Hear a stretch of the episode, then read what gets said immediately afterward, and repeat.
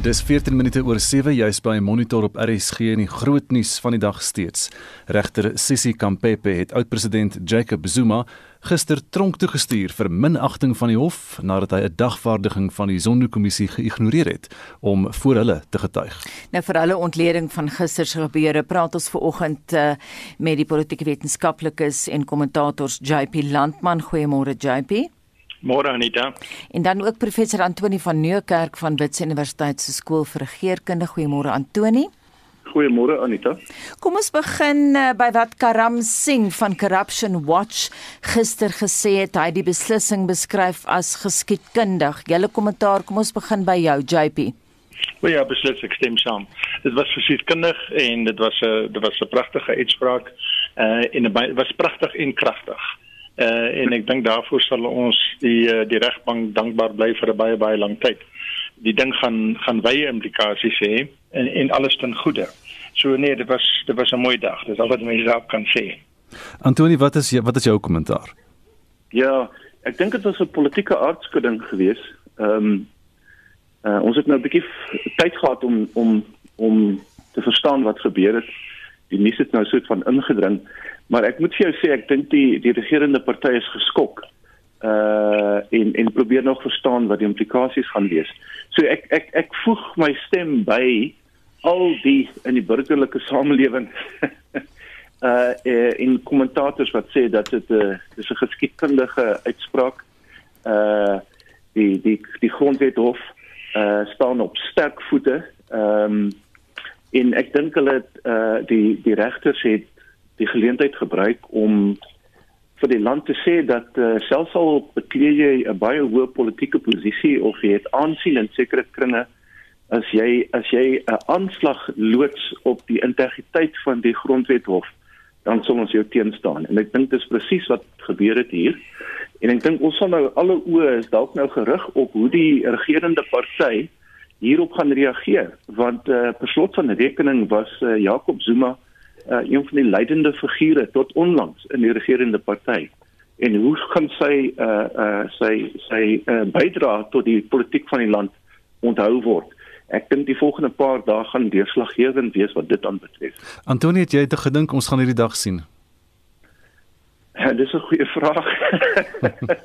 ek was altyd bekommerd geweest dat ehm um, dat die die die die die moontlikheid van politieke onrus en die terugveg uh, uh krag van die van die uh anti-hervormingsfaksie in die regerende party dit moeilik gaan maak vir die Zondo-kommissie en vir die regstelsel om vir die voormalige president regwaar vas te vat. Hmm. En ehm um, ek moet sê dit uh, ek het vroeër gesê dit was 'n soort van 'n politieke aardskudding toe daai uitspraak gemaak is deur die regter dat hierdie man gaan tronk toe.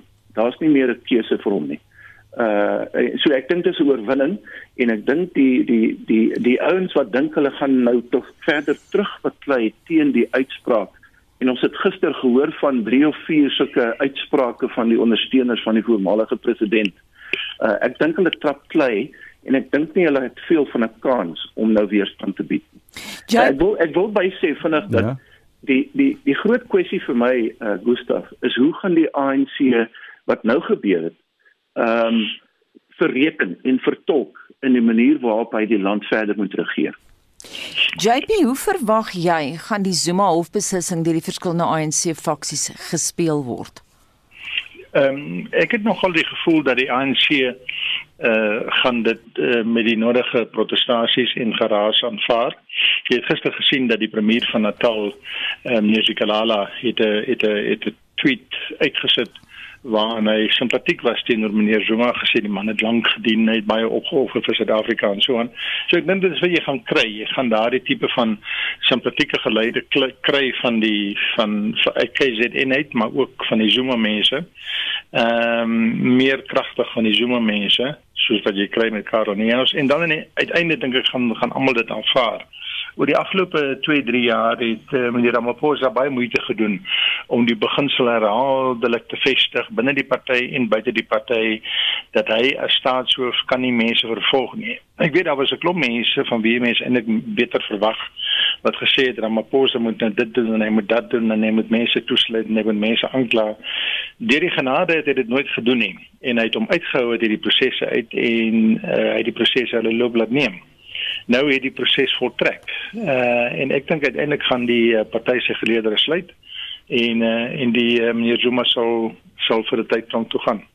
Ek verwag nie ek verwag nie 'n verskriklike daar gaan spanning wees en so aan want dit is uh, dramaties vir baie mense maar ek verwag nou nie 'n konstitusionele krisis of selfs eers net 'n politieke krisis nie. Die voorbeeld wat ek die hele tyd vir myself voorgehou het uh, was wat gebeur het met Lula da Silva in Brasil hy was president, hy het uitgetree as president, hy's uh, aangekla, hy is skuldig bevind, hy's hof toe, uh, tronk toe liewers en hy was uh, hy was 'n paar jaar nie dronk. Hy is nou vrygelaat, maar uh jy weet daar was 'n bietjie van 'n gedryf gewees.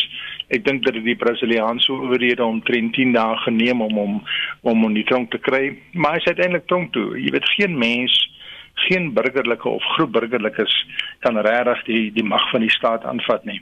So ek is nie ek is nie te onrustig nie. JB ek wil gou vir jou vra die, die kommissie se advokaat Tembeka en Kaktobi beskryf Zuma se minagting van die hof as 'n aanval op regsoevereiniteit. Ons het nou gehoor van van hierdie uh, waarnemende hoofregter Sisi Kampepe wat die uitspraak gelees het. Sy het gesê sy uh, Zuma se optrede is 'n belediging vir die regstelsel, maar sy het baie meer as dit gesê. Sy het omtrent elke byvoeglike naamwoord gebruik wat jy aan kan dink.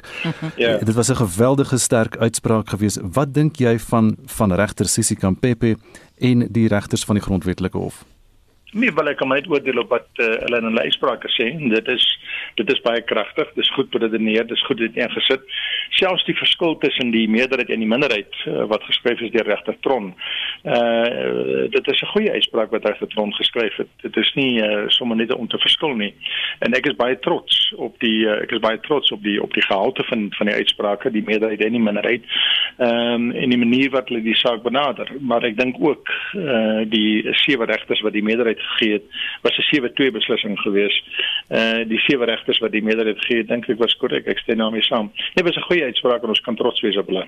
As jy pas by monitor aangesluit het en dalk die nuus gemis het, Jacob Zuma gaan vir 15 maande tronk toe. Ons praat ver oggend hier oor met die ontleeders JP Landman en professor Antoni van Nieuwkerk van Wits Universiteit se skool vir regeringskunde. Antoni, watter boodskap stuur hierdie uit aan die internasionale gemeenskap, aan voornemende beleggers, aan graderingsagentskappe? Ja, dis dis dis musiek uh, vir die ore vir uh, president uh, Ramaphosa in sy kabinet en en ek sou sê uh, elke besigheid in die land wat uh, wag op ekonomiese herstel wat deels afhanklik is van investering en toerisme en so dis 'n baie positiewe boodskap wat uitgestuur word. Ek dink dit het internasionale nuus gehaal dit dit gebeur nie vinnig of maklik in die Afrika konteks dat 'n voormalige president wat nog aansien in die regerende party het uh, tronk toe gestuur word nie. Daar word altyd foefies beplan om hom uit die tronk uit te hou. Dit is 'n groot skandaal. so dis baie goeie nuus uh, Anita, maar ek wil vinnig uh, reageer op 'n ding wat JP gesê het wat my laat dink baie ehm um, uh, politieke uh, hoofde of of politieke persoonlikhede voormalige presidente wat tronk toe gaan het 'n lewe daarna. Ons eie Tony Yengeni is tronk toe, mense het gejubel terwyl hy ingestap het in die tronk in en en hy het uitgekom en 'n tipe van 'n tweede lewe begin leef in die politiek alhoewel ek moet sê baie verskraal. En ek kan dink aan ander voorbeelde ook die Brasiliaanse ehm um, politici wat tronk toe is het uitgekom en het 'n tweede lewe En ek dink mense wonder na 15 maande, wat gaan dan gebeur? As Zuma gaan uitstap, hy sal dalk 'n bietjie skraler wees uh, en meer bedees en het hy 'n tweede kans op 'n politieke loopbaan. Ek moet sê die een faktor wat ek uh, dink dit gaan verhoed is sy ouderdom. Ek dink in die tronk gaan hy 80 word en hy sal waarskynlik uitkom en dan uh, aftree in iewers in Kandla en ek dink sy voet gaan dan uitwees. JP een aspek wat wat nou anders is as voorheen. Ons is nou gewoond daaraan oor jare Zuma aan die hof en wat appeleer en en soort van half al die regstegnieke gebruik uh, tot sy voordeel. Maar omdat dit nou gebeur het in die konstitusionele hof is daar geen opsie om te kan appeleer nie. Hierdie is nou mm. regtig soos soos die burger volgens die monopoly daar wat sê gaan nou reguit tronk toe. Moenie by begin verbygaan nie. Ja, nee, ek dink dis dis heeltemal korrek. Ek kan nie sien hoe hy nie kan hoe hy nie volgende week uh oor die naweek Sondag of dan op die laaste volgende Woensdag hoe hy nie uh homself kan oorgee nie. Dit sal gebeur. Kom ons gaan terug na die ANC toe. Is interessant wat jy gesê het dat jy sê die regerende party was geskok geweest Antoni.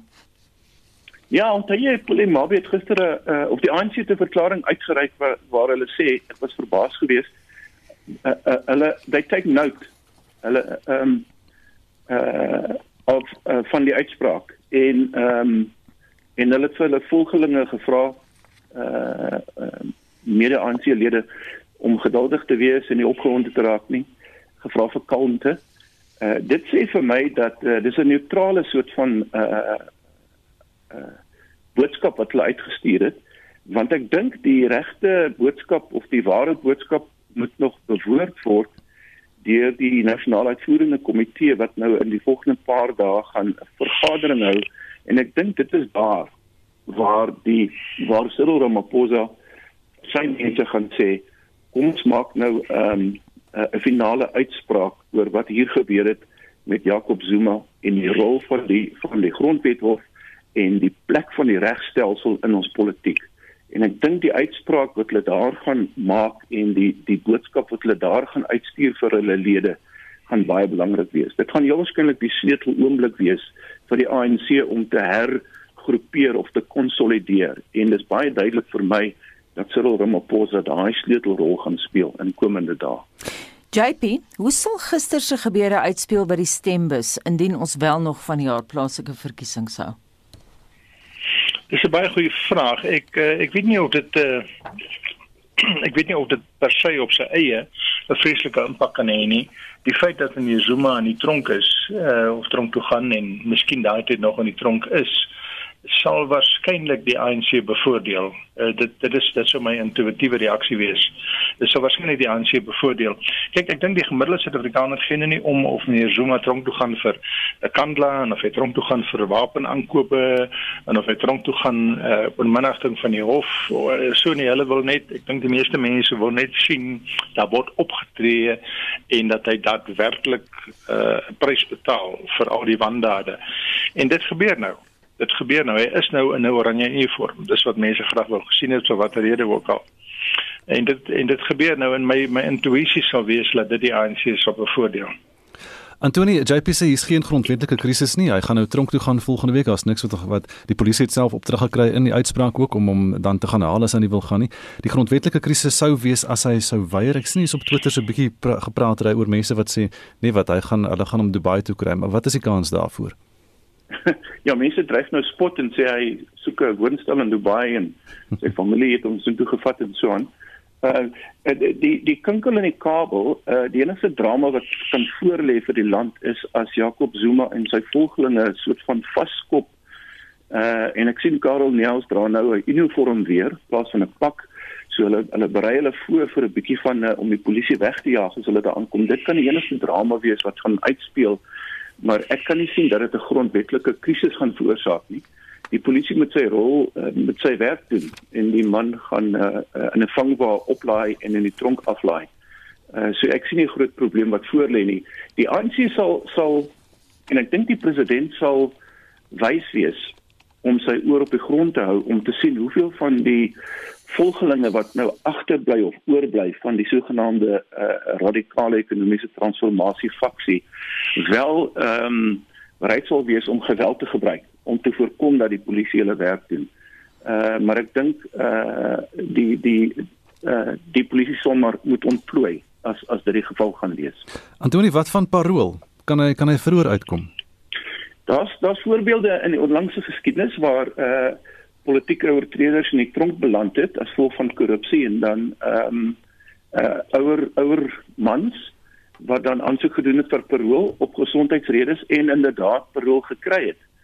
Uh ek moet vir jou sê Gustaf dat uh, die prentjie wat ek het van Jakob Zuma ten spyte van sy ouderdom is dat hy redelik gesond lyk en ons weet nie van enige onderliggende uh, toestande nie. Hy sal sy 15 maande heel waarskynlik in die tronk uitdien.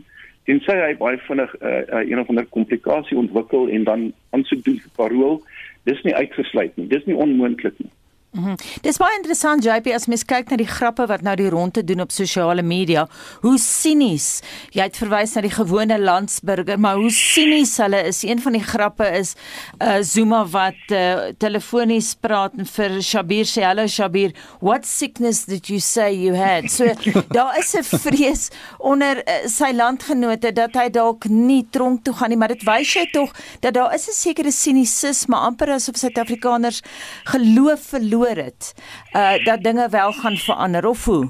Ja nee, ek dink jy is heeltemal reg. dit is so en dit is waarom sy weggaan tronk so belangrik is. Uh jy's vir daai rede. Ehm um, mense is sinies, mense sê hy kom nou al so lank weg met al sy uh, kaskanades. Uh, Daar's geen manier dat hy sy ander wegkom nie. En om daardie sinisme te help breek en om vertroue te help herstel uh, is dit baie belangrik baie belangrik dat hy gaan. En uh, ek het nou nie harde gevoel dat hy vir 15 maande dan moet wees nie.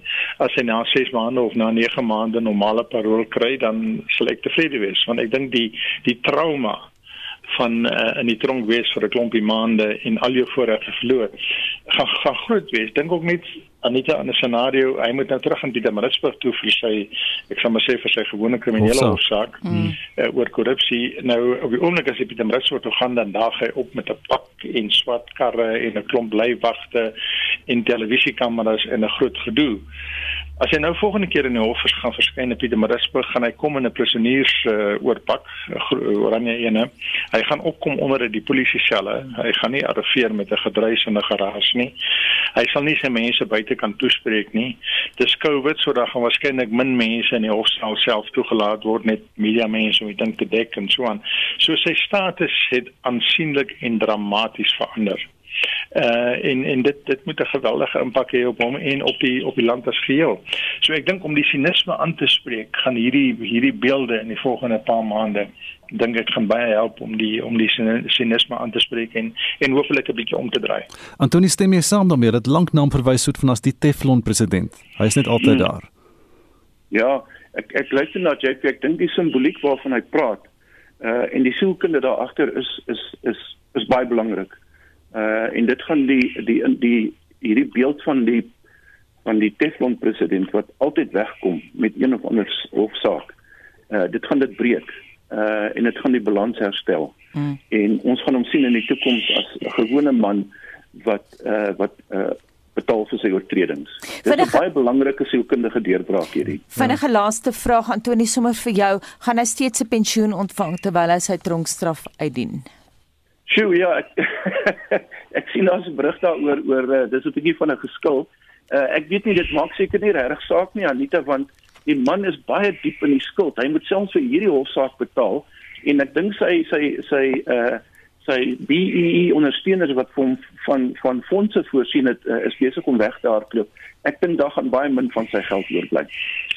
Baie dankie. Laaste woord daan professor Antoni van Nieuwkerk van Wits Universiteit se skool vir regeringskunde. Ons het ook ver oggend gepraat met die ontleder JP Landman. En daar dek Gustaf die tafel vir jou, dit? Anita, 'n luisteraar sê ek is 48 jaar oud en het al 23 jaar lank diabetes. Ek gebruik al 18 jaar lank insulien en het alle suiker uit my dieet gesny en kyk na my styselinname want dis 'n doodsteek vir mense met suikersiekte.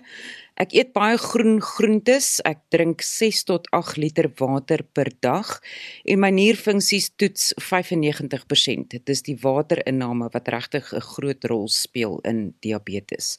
En Koos Groewe skryf ek het 8 jaar gelede na rugoperasie diabetes ontwikkel. Ek word behandel met mondelingse medikasie. Ek oefen gereeld en ek eet gebalanseerd. Ons sorg altyd vir amandels en biltong in die huis vir 'n vinnige happie. Ek is lief vir vrugte, maar ek moes baie minder van dit begin eet het. Aanvanklik het ek alles gedokumenteer en 3 keer 'n dag my suiker getoets. Nou toets ek dit net indien my lyf vir my sê dinge is nie reg nie. Deesdae dui 'n hoë telling gewoonlik op infeksie en voor strawwe oefening eet ek amandels en na die tyd 'n vrug. Dit voel soms soos 'n voltydse werk om die suiker op normaal te hou maar dit is die moeite werd. En dan sê terugvoer oor Zuma en Joe sê die minister van polisie het gisterand glad nie baie selfvertroue gehad met sy verslag oor hoe die polisie hierdie saak in hierdie saak sal optree nie. Hy Jose, die minister van polisie het kop onderste bo gepraat. Laat weet vir ons, wat dink jy van Zuma wat tronk toe gestuur is en ook of jy alreeds met of 'n suikersiekte alreeds by jou gediagnoseer is. Stuur vir ons SMS by 45889 teen R1.50 per SMS.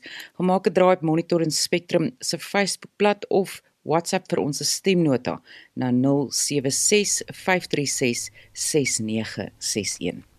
Ja, as jy die BBC dophou, sal jy sien dat uh, die hitte rekords in Kanada is groot nuus daar. Ek sien hulle praat van the country has recorded its highest ever temperature 49.5 degrees Celsius. Dit is nou vir 3 agtereenvolgende dae en ons praat vanoggend daaroor in wêreldnuus. Nou 70 mense is ook sedert Maandag dood weens daai hittegolf. Marlenae Forsie het 'n bietjie daarna gaan kyk. Marlenae Janita, weerkundige in Alberta, Jody Hughes, sê verskeie mense wentel nou na hotelle waar daar ligverkoeling is omdat dit warmer binne mense, ag eerder binne mense se huise is dit nou warmer as wat dit buite is. The longer that a heat event goes on, the more your health issues can be compounded. And this is heart, kidneys, lungs, for seniors, for anyone who's vulnerable. And so they wanted to impress on us the importance of giving that message. And so we've been sharing that message. We know that many care facilities have been checking on seniors regularly. The warning they gave us at the time was a reminder of the heat wave in Quebec on the other side of the country back in 2018 when 90 people died. Maar die weerstelsel wat hierdie hoë temperature veroorsaak gaan na verwagting eers hier teen Vrydag of Saterdag uitwoed. Intussen heers daar verder kommer dat donderstorms weens die erge hitte en droë lug kan ontstaan en kan lei tot weggelveld en bosbrande. En dan gaan ons na Ethiopië waar die rebelle in die Tigray streek steeds besig is om veld te wen nadat hulle die hoofstad Mekelle weer die beheer daar oorgeneem het. Dit nou ten spyte van die regering se besluit om 'n skietstilstand aan te kondig belangrik om te sê dis nie die eerste skietstilstand wat daar aangekondig is nie. Ja, maar die land se tussentydse regering se hoof, Abraham Belay, het die rede vir hierdie onlangse skietstilstand as volg uitgedruk. For humanitarian aid to reach the needy without any problems, and for the farming season to happen on time, and also so that internally displaced persons can return to their homes. We've been discussing ways to give political solutions to fit the farming season with the government. So the interim administration has formally asked the government for a ceasefire. Nou volgens die VN in die gebied is rebelle nou ook in die dorpie Shire, ehm um, dis so wat 140 km noordwes van Mekelle. Eritreëse magte wat die Ethiopiese regering ondersteun, het die dorp verlaat en die rebelle se woordvoerder, Getachew Reda, sê hulle sal nie rus voordat Tigray van die groepe wat as vyande beskou word, ontslaa raak nie. We'll do whatever it takes to see to that our people remain safe and secure So if going to Amhara is what it takes, we'll do it. If going to Eritrea is what it takes, we'll do it. Nou, na 8 maande van konflik in die streek is minstens 2 miljoen mense dakloos gelaat word daar geraam dat sowat 350 000 mense teen hongersnood te staan kom. Die waarnemende assistent-sekretaris vir die Buro van Afrika Betrekkinge in Amerika, Robert F. Godek, het die volgende waarskuwing aan die land gerig. If the government's announcement of a cessation of hostilities does not result in improvements and the situation continues to worsen, Ethiopia and Eritrea should anticipate further actions. We will not stand by in the face of horrors in Tigray.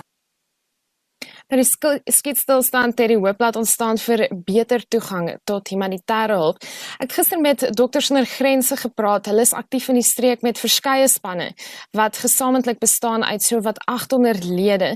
Nou drie van die organisasie se werknemers is verlede week dood langs die pad gevind.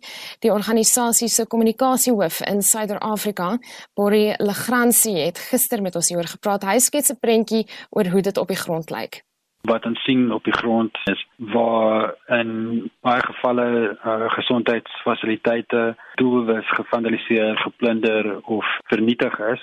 Omtrent 65% van hierdie fasiliteite is absoluut buite werking of geensins funksioneel. 73% van hulle is uh, beskadig of tydelik gesluit. En baie kommerwekkend vir ons is dat 20% uh, was onder die beheer van gewapende groepe. Wat beteken dat burgerlikes nie daardie fasiliteite kan nader vir versorg wat hulle in baie gevalle brood nodig het en geensins eintlik ander opsies het om gesondheidsorg te kan kry nie. So ons het 'n heel groot span net onder 850 plaaslike en internasionale personeel Maar jy het ook self al skade gely weens die konflik. Ja, ehm um, dis vir ons 'n um, ehm, baie vernietigende slag regtig om drie kollegas te verloor in 'n uh, gewetenlose moord. Tigray is 'n gevaarlike plek, ons besef dit, maar um, ons is diep geskok omtrent wat gebeur het met ons drie kollegas. Johannes Reda was ons assistent koördineerder, Tedros Gebremichael was 'n bestuurder en hulle was op reis saam met Maria Hernandez, um, ons noodkoördineerder. Ons het kontak verloor met hulle. Die volgende oggend is hulle voertuig verlate gevind en 'n paar meter verder al die lewelose lyke. Ons is tans besig met 'n ondersoek om te verstaan wat presies gebeur het. Hulle was in Tigray om mense hulp te verleen en dit is ondenkbaar dat hulle moet boet met hulle lewens. Hierdie skietstilstand wat nou aangekondig is, gee dit julle enigsins hoop dat daar verandering mag wees of dat die wiel mag draai? Dit is bietjie buite ons verwysingsveld om te sê of 'n skietstilstand werklik 'n impak gaan hê op die grond eh, wat ons uh, spanne verlang om die werk te kan doen wat hulle mee besig is is in die eerste plek uh, te weet dat Dokters Sonder Grense is 'n onpartydige en 'n onafhanklike organisasie wat mediese sorg bied en en dit is dit. So dis belangrik dat dat mense dit moet verstaan dat owerhede dit moet verstaan en dat ook ehm um, partye tot hierdie konflik dit moet verstaan sodat ons nie in gevaar kom omdat ons nie verstaan word deur hierdie groepe nie die situasie tans is een van groot risiko en dit is ook hoekom ons baie aandag skenk aan hierdie ondersoek om presies te verstaan wat met ons drie kollegas gebeur het want dit het 'n impak omtrent hoe ons aktiwiteite behartig in Tigray gewoonlik in gevalle waar hulpnoodlenigingswerkers lewens verloor of beseer of gewond is en kan dit gebeur dat opwenningsorganisasies besluit om te onttrek uit 'n gebied en dit het dan 'n direkte impak op die bevolking en op mense wat weerloos is, wat mees kwesbaar is.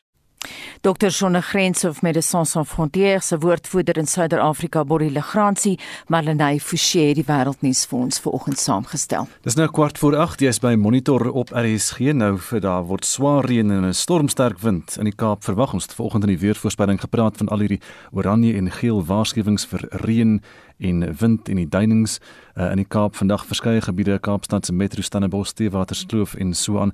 Ons praat vanoggend hieroor met die Kaapstad se burgemeesterskomitee lid van veiligheid en sekuriteit JP Smith. JP goeiemôre. Môre Gustav. So Kaapstad en die omgewing daar word nou deur meer as een koue front al hierdie week getuister. Is daar al enige ernstige probleme? Ja, nee, dit is voorspelbaar. Die eerste dag van die reën sal die grond baie van die water absorbeer maar as dit vir die tweede en derde dag aanhou dan begin jy uh dan is die grond uh, waterlogged en dan begin dit um, begin die die probleme in baie van die gemeenskappe en die die groot krisis hier is die rampbestuurwet die lockdown wetgewing wat dit vir die stad onmoontlik gemaak het om al die um, grondbesittings te te stop wat die grondbesittings bemagtig het. En so 70% van die nuwe grondbesittings wat plaasgevind het, het nou plaasgevind in areas waar jy nie die water kan stop nie. Jy sit met mense wat of in vleie of laagliggende area water retention ponds, so areas wat ontwerp is om water te absorbeer sodat ander areas nie nat is nie, het mense ingaan bou. En as gevolg van die rampbestuurwetgewing, daai uh, regulasie 70 mag ons hulle nie uh, gestop het nie. En ook as gevolg van die Suid-Afrikaanse menseregte wet ehm um, se se hof in te dik. So ons sit op die oomblik met hierdie probleem waar ons kan sit ons ehm um, uh, uh klippe en ander goed ehm uh, milling uit die Rospaai departement om te help om om areas ehm um, toeganklik te maak. Maar dit is nie eintlik 'n oplossing in baie van hierdie areas nie want daar is nêrens om my water heen te neem nie. Dis interessant wat jy sê want dit is nou die koronavirus regulasies wat wel sê soos jy sê mens geen mens mag uit sy blyplek uitgesit word terwyl die pandemie aan die gang is nie. Mens het nie gedink aan hierdie gevolge nie. Hoe gereed is julle vir nog swaar reën vandag dan? Wel, hierdie stadium doen ons wat ons kan as dit nodig is, sal ons mense probeer verhuis na sale. Maar die die probleem met dit is dat dieselfde rampbestuur regulasies sê ook ons mag nie mense bymekaar maak hmm. in in in in ehm um, gatherings nie. So die samekomste van mense is problematies en op hierdie stadium is dit ons interpretasie dat ons nie mense in sale kan vergader nie. So dit is 'n addisionele en ek dink ehm um, uh, uh, uh uitkoms wat die die skrywers van die wetgewing nie geantisipeer of verwag het nie. Uh so dis 'n komplikasie. Ehm um, en dan het ons natuurlik mense wat op hierdie stadium wel deur water geaffekteer word en SASSA het die um, uh die ehm um, humanitêre verligting uh funksie by die stad uh, oorgeneem. So ons op ons werk op hierdie stadium met SASSA saam om mense uh hulp te probeer kry waar hulle wel in hulle huise geaffekteer is of tydelik uitlei uitlei gesit is en by bure of vriende bly. Ehm um, en daar's 'n hele paar areas in die stad op hierdie stadium in Gugulethu en Wynberg, Valhalla Park, Kailicha, Oudtshoorn, Masipumalele en Overcome Heights wat ehm um, wat geaffekteer is. Uh maar die groot probleem is mense wat gebou het in areas waar daar's nie aksies wat ons kan neem om te verhoed dat die areas oorvloei nie waar ons dit kon doen het ons so die areas wat vir hierdie jaar gevloed het wat ons oor die afgelope 12 maande aan gewerk het om die vloedwater te verhoed. Uh daar het ons baie um, vooruitgang gemaak. Op my Facebook page kan jy sien die ehm um, die skoonmaak van die Langa kanaal wat uh, toegelaat het byvoorbeeld dat ondanks die feit dat daar baie storting in daai kanaal is het die paai departement dit mooi skoon gemaak so toe die reëns kom werk daai kanaal nou en dit het nie so oor um, oorstromings veroorsaak nie. JP praat julle met die mense wat gaan bou het nou in hierdie plekke wat so kan oorstroom is hulle ontvanklik verstaan hulle die boodskap of is hulle bereid om op ander plekke te gaan bly? Nee meneer. Uh hierdie meeste van hierdie grondbesettings was gewelddadig en ek sal self sê bloedig waar ons wetstoepassingspersoneel ons anti-grondbesettingseenheid en die Suid-Afrikaanse polisie hard gewerk het om hulle te probeer stop, maar as gevolg van die Suid-Afrikaanse mensereg menseregte kommissie se interdik uh, mag ons nie op hierdie stadium counterspoliate nie. Ons moet elke keer 'n interdik op 'n hofbevel gaan kry en dit is onmoontlik. Dit is effektief die die doelpale so geskuif dat op die oomblik kan mense baie ver wegkom met uh, met grondbesettings. Dit klink na 'n baie moeilike situasie om in te wees. Watter raad of waarskuwings het jy volgens aan Kaapenaars daar in die in die storm weer? Hierdie stadium, ehm um, ek dink meeste van ons ehm um, van ons paaie oorstromings het ons onder beheer gekry in die eerste dag. So na die eerste dag se reën kon ons sien waar daar storting was wat veroorsaak het dat sekere areas bietjie ehm um, sekere paaie oorstroom het. So dit het was vandag 2 af nie meer so faktor nie. Ehm um, onthou dat die die paai departement spandeer uh uh hele paar miljoen rand om al die um, stormwaterstelsels skoon te maak en kanale skoon te maak voor die reëns begin. Ehm um, so dit het gelukkig vinnig ehm um, die situasie ons daar redelik vinnig onder beheer gebring. Ons het nog baie nat paaie. So ek dink almal moet maar net bietjie vroeër ry en en en en verdere of langer volgafstande van die karre voor hulle hou. Ons sien uh, baie motorongelukke en van dit is net ongeduldigheid en te hoë spoed op nat paaie. Almal moet maar net bietjie versigtig wees. Die weer is nie iets wat jy kan wegwensie mes moet uh, rondom dit werk. JP baie dankie. JP Smith is die Kaapstad se burgemeesterskomitee lid vir veiligheid en sekuriteit. En ons bly in die Wes-Kaap. Monitor het vroeër al oor die swak toestand van die infrastruktuur op Robben Eiland berig. Die DA lid vir die parlementêre komitee vir sport, kuns en kultuur, Dennis Joseph, wou by die voorsitter van die komitee, Beauty Dludlane, weet of daar toe wel tugstappe teen twee senior werkgewers op die eiland ingestel is. Eerstens het die uh, komitee op 5 Mei 'n verslag gekry van die Robben Eiland Museumbestuur dat daar wel probleme is oor wanbestuur dat 'n private maatskappy aangestel is om 'n onafhanklike forensiese verslag teweeg te bring en dat uit hierdie verslag is aanbeveel dat daar teen amptenare opgetree word as gevolg van wanbestuur. Hulle wil wel nie die verslag bekend maak nie omdat hulle gevoel het dat die inligting in die verslag sal die getuie beïnvloed as ook die wat aangekla moet word. Hoekom wil hulle dissiplinêre aksie teen hierdie mense in die eerste plek gebring het? Ja. Wel, ons het nog nie amptelik die klagtes gesien nie. Dit is dit is hoekom ons op 5 Mei ook gevra het vir die verslag. Maar wel dat daar erken was dat daar agteruitgang is by Robben Eiland, dat daar wanbestuur is en ook het die bestuur van Robben Eiland gesê die, die raad dat is ook alreeds besig om van die aanbevelings te implementeer wat uit die forensiese verslag kom en daarom is dit nou vir ons vreemd dat daar nou skielik in die media verneem word dat die klagtes teruggetrek gaan word. Ek het 'n uh, paar vrae uh, in my brief aan die voorsitter van die komitee uh, Beauty met Laplani gestel. Watter feite wil jy nou by die raad en by die departement hê? Dit is belangrik dat ons nou weet wat het aanleiding gegee tot die ondersoek, wanneer het dit begin, watter uh, maatskappy is aangestel, wat was die koste en watter aanbevelings in daai verslag is. En dan is belangrik dat die volle verslag aan die komitee oorhandig word wat ons dan later aan die publiek wil oorhandig want Robben Eiland is 'n groot bate internasionale erfenisplek en daar's baie inligting daar wat belangrik is vir die publiek vir toerisme. En dan wil ons ook weet wie is dan nou eintlik dan verantwoordelik vir die wanbestuur as hierdie klagtes nou teruggetrek gaan word.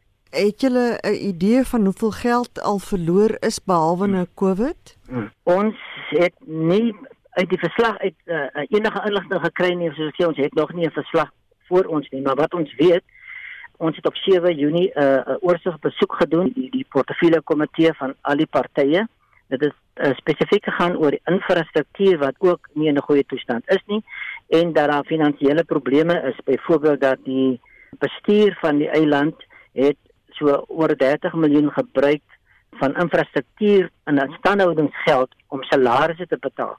En dit is nie goeie nuus nie, maar ons weet ook dat Robben Eiland so 322 000 besoekers gekry het voor COVID-19 maar dit het gesak na omtrent 18000. So daar is 'n finansiële krisis op die eiland en ons wil ook weet hoe dat die departement en die eilandbestuur nou hierdie krisis gaan oplos want dit affekteer die personeel en dit affekteer ook die infrastruktuur wat in 'n swak uh, toestand is op die eiland. Dennis Joseph is 'n DA-lid van die parlementêre portefeulje komitee vir sport, kuns en kultuur. Volgens 'n artikel deur Daniel Steyn in April op die aanlyn publikasie Grandap, het Robben Eiland sedert 2008 'n geskiedenis van wanbestuur en korrupsie. In 2019-2020 het die toe-ouditeur-generaal, Kimi Makwetu, bevind dat die instelling nie verklaar het dat 90,4 miljoen rand onreëlmatig bestee is nie. Dit word bestuur deur die Robben Eiland Museum wat 'n agentskap is van die Departement van Sport, Kuns en Kultuur. Mitsi van der Merwe, SAK-nuus. Ons SMS vraag vanoggend is geskoei op diabetes en ons het heelwat terugvoer van luisteraars wat in sommige gevalle al dekades lank met hierdie toestand saamleef. Estie Frans skryf ons ek is so 8 maande gelede met tipe 2 diabetes gediagnoseer. Ek drink my pille, ek eet reg, maar ek sukkel om water te drink wat baie belangrik is. My suiker bly stabiel en ek toets daagliks en teken dit aan. Kom ons luister nou na stemnotas wat ons luisteraars vir ons gestuur het. Ek is Johan Bester. Ek is ook 'n tipe 2 diabetes en ek gebruik medikasie, maar ek kyk ook na my dieet, volg 'n lae koolhidraat dieet en daarmee saam met die medikasie is my suiker redelik onder beheer tussen 6.6 en 7.7. So as hy 'n bietjie stout is en oortree dan styg dit, maar 'n mens moet dit maar net probeer om dit onder 10 te hou want sodra jy bo 10 gaan dan tree daar vernietigende gevolge in. Ja, ek is 'n siel op 'n wiel. Ek is gediagnoseer met diabetes so 13 jaar terug en uh, ons as as vragmotoroperateurs of op as siele op wiele is vir ons baie moeilik om 'n gesonde leefstyl te lewe. Jy eers 'n plek, jy kan nie altyd by plekke uitkom om die regte gesonde kosse en goed te koop nie. Ons word beperk. En dan die ander ding, jy kan nie altyd by 'n kliniek en jou dokters uitkom nie, maar jy maak 'n afspraak met 'n dokter om hom te sien vir jou 6 maandelikse voorskrifte vir medikasie en goed. En op daai dag wie jy al moet wees, dan is daar nou altyd 'n probleem met 'n vrag die kant toe of 'n vrag daai kant toe. Die gevolg is, hoe maak ons afval vragmotorbestuurders om daai gesonde leefstyl te handhaaf? Ek het van die gediagnoseer is met diabetes, het ek al amper 80 kg verloor. Ek val letterlik deur my klere. Wat sou raad is daar? Point Pina van Pretoria hierso. Ja nee, ek is ook 'n tipe 2 diabetes. My dokter het my 20 jaar lank gewaarsku dat ek my gewig moet afbring en meer oefening inkry. Maar nou ja, ek het nie geluister nie. En op 70 is ek toe 'n uh, tipe 2 gediagnoseer. Ek het binne 8 maande het ek 23 kg in gewig afgegooi en dit het ek gedoen deur minder aardappels, minder brood en my porsies verminder. of eerder verklein. Vandag is my cholesterol normaal, my bloeddruk is normaal en ek kry lesings van 4.7 vir my suiker. En Elsa sê ek is 'n onderwyseres vir baie jare al en sien hoe die kosblikke van die leerdlinge verander van toebroodjies met net een lekker of een keer 'n week snoepie toe gaan tot kosblikke wat nou vol skyfies en koekies en lekkers is en ontrent niks voedsaam nie en snoepiewinkels by skole help ook nie en my waarneming is dat kinders na pouse 'n gedragsverskil het en 'n groot gebrek aan konsentrasie in die klas het. Baie dankie vir jou terugvoer vanoggend. Ons nuusleser Helena van Vuur en som dit baie goed op. Sy sê eet minder, beweeg meer. Ja, maar dit is goeie raad van Helena af. Intussen gaan ons na Marlenae. Hoe lyk Spectrum se dagboek? Die spesiale ondersoekeenheid gaan na verwagting vandag 'n verslag oor die DigiVibes sage aan die president oorhandig. Dis nou waar die minister van gesondheid, Zweli Mkhize, betrek word. Die voormalige minister van finansies, Malusi Gigaba, se vervreemde vrou Noma getuig weer voor die kommissie van ondersoek na staatskaping en in Noordwes vra die ad hoc komitee oor die seksie 100 ingryping in die provinsie dat die proses hersien word. Dit en meer tussen 12 en 1 op Spectrum vanmiddag. En so kom ons aan die einde van vandag se monitor. Onthou jy kan nog steeds na ons program gaan luister. Elke uur word afsonderlik gelaai as 'n potgooi en dit is nou monitor Spectrum naweek aktueel en kommentaar wat as potgooi gelaai word op RSG se webblad rsg.co.za. Jy kan dit ook gaan kry op iono.fm as jy die webblad nie kan laat werk nie. Dis iono.fm of op Apple Podcasts dan kan jy ons potgoeie gaan luister. En daarmee groet ons namens ons waarnemende uitvoerende regisseur Hendrik Martin, die man in die warm stoel vanoggend, Wessel Pretorius, ons tegniese regisseur Daitron Godfrey. My naam is Anita Visser. Ek is Gustaf Greiding en Helena is nou reg met die 8 uur nuus.